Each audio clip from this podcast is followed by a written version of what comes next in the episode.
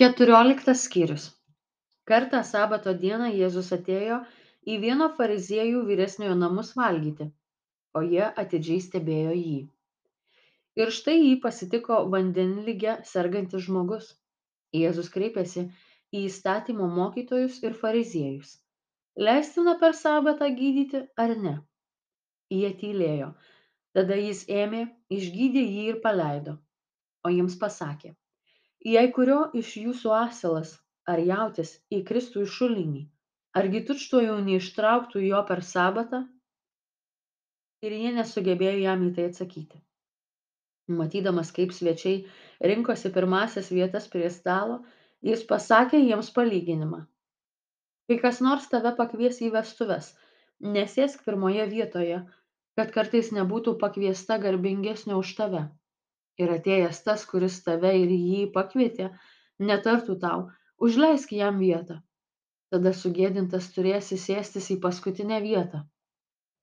Kai būsi pakviestas eik ir sėskis paskutinėje vietoje kad tas kuris tave pakvietė atėjęs galėtų pasakyti bičiuli persėsk aukščiau. Tada tau bus garbė visų prie stalo sėdinčiųjų akivaizdoje. Kiekvienas kuris save aukština bus pažemintas o kuris save žemina bus išaukštintas. Pakvietusiam jį vaišių jėzus irgi pasakė keldamas pietus ar vakarienę nekviesk nei savo draugų nei brolių nei giminaičių nei turtingų kaimynų kad kartais jie savo ruoštu nepakviestų tavęs ir tau nebūtų atlyginta. Rengdamas vaišes geriau pasikviesk vargšų paliegėlių luošų ir aklų tai būsi palaimintas nes jie neturi kuo atsilyginti. Tuomet tau bus atlyginta teisiųjų prisikėlime. Tai išgirdęs vienas iš sėdinčiųjų prie stalo tarė jam palaimintas kas valgys duoną dievo karalystėje. Tada jėzus jam pasakė vienas žmogus iškėlė didelę puotą ir pakvietė daug svečių. Atėjus puotos metui jis pasiuntė tarną pranešti pakviestiesiems. Ateikite jau viskas surengta tada jie visi kaip vienas pradėjo atsiprašinėti. Vienas jam tarė nusipirkau dirvą ir būtinai turiu eiti jos apžiūrėti. Prašau mane pateisinti. Kitas sakė pirkau penkis jungus jaučių ir einu jų išmėginti prašau mane pateisinti.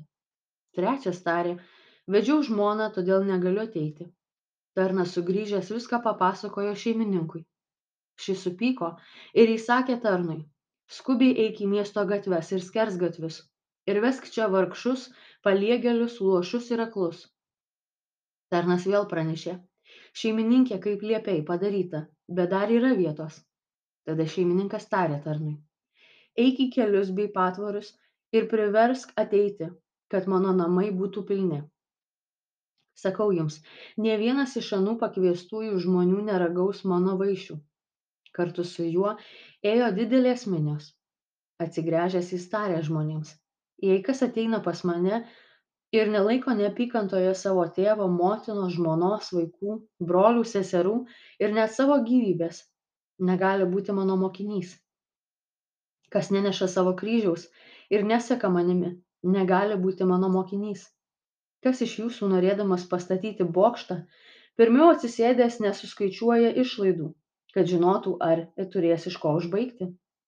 Kad kartais pradėjus pamatą ir nebaigus žmonės matydami nesišaipytų iš jo. Sakydami šitas žmogus pradėjo statyti ir neįstengė baigti. Arba koks karalius traukdamas į karą prieš kitą karalių pirmiau atsisėdęs nesvarsto ar turėdamas dešimt tūkstančių kareivių pajėgs stoti į kovą su tuo kuris ateina prieš jį su dvidešimčia tūkstančių jei ne tai anam dar toli esant siunčia pasiuntinius tartis dėl taikos. Taip pat kiekvienas iš jūsų kuris neatsižada viso ką turi negali būti mano mokinys. Druska geras daiktas. Bet jeigu druska netektų sūrumo kuo ją reikėtų pasūdyti?